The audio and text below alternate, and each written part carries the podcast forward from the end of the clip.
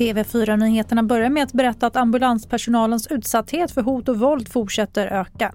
I Region Stockholm görs en anmälan om hot eller våld vid utryckning varje vecka. Samtidigt är sekretesslagstiftningen en käpp i hjulet för åtgärder som personalen själva hade velat se för att öka sin trygghet. Vi ser att det framförallt är ett storstadsproblem.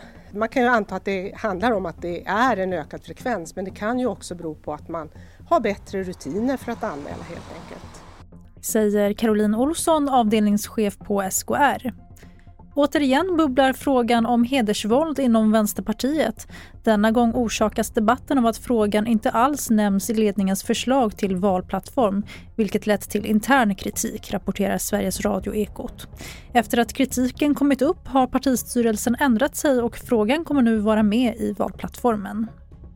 Och vi avslutar utrikes. Minst 32 personer har omkommit då en fullsatt färja fattat eld i Bangladesh omkring 25 mil söder om huvudstaden Dhaka.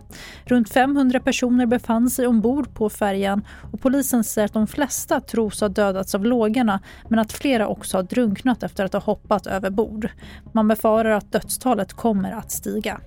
Fler nyheter i TV4 Nyheternas app. Och jag som önskar dig god jul heter Tanna Sedalat.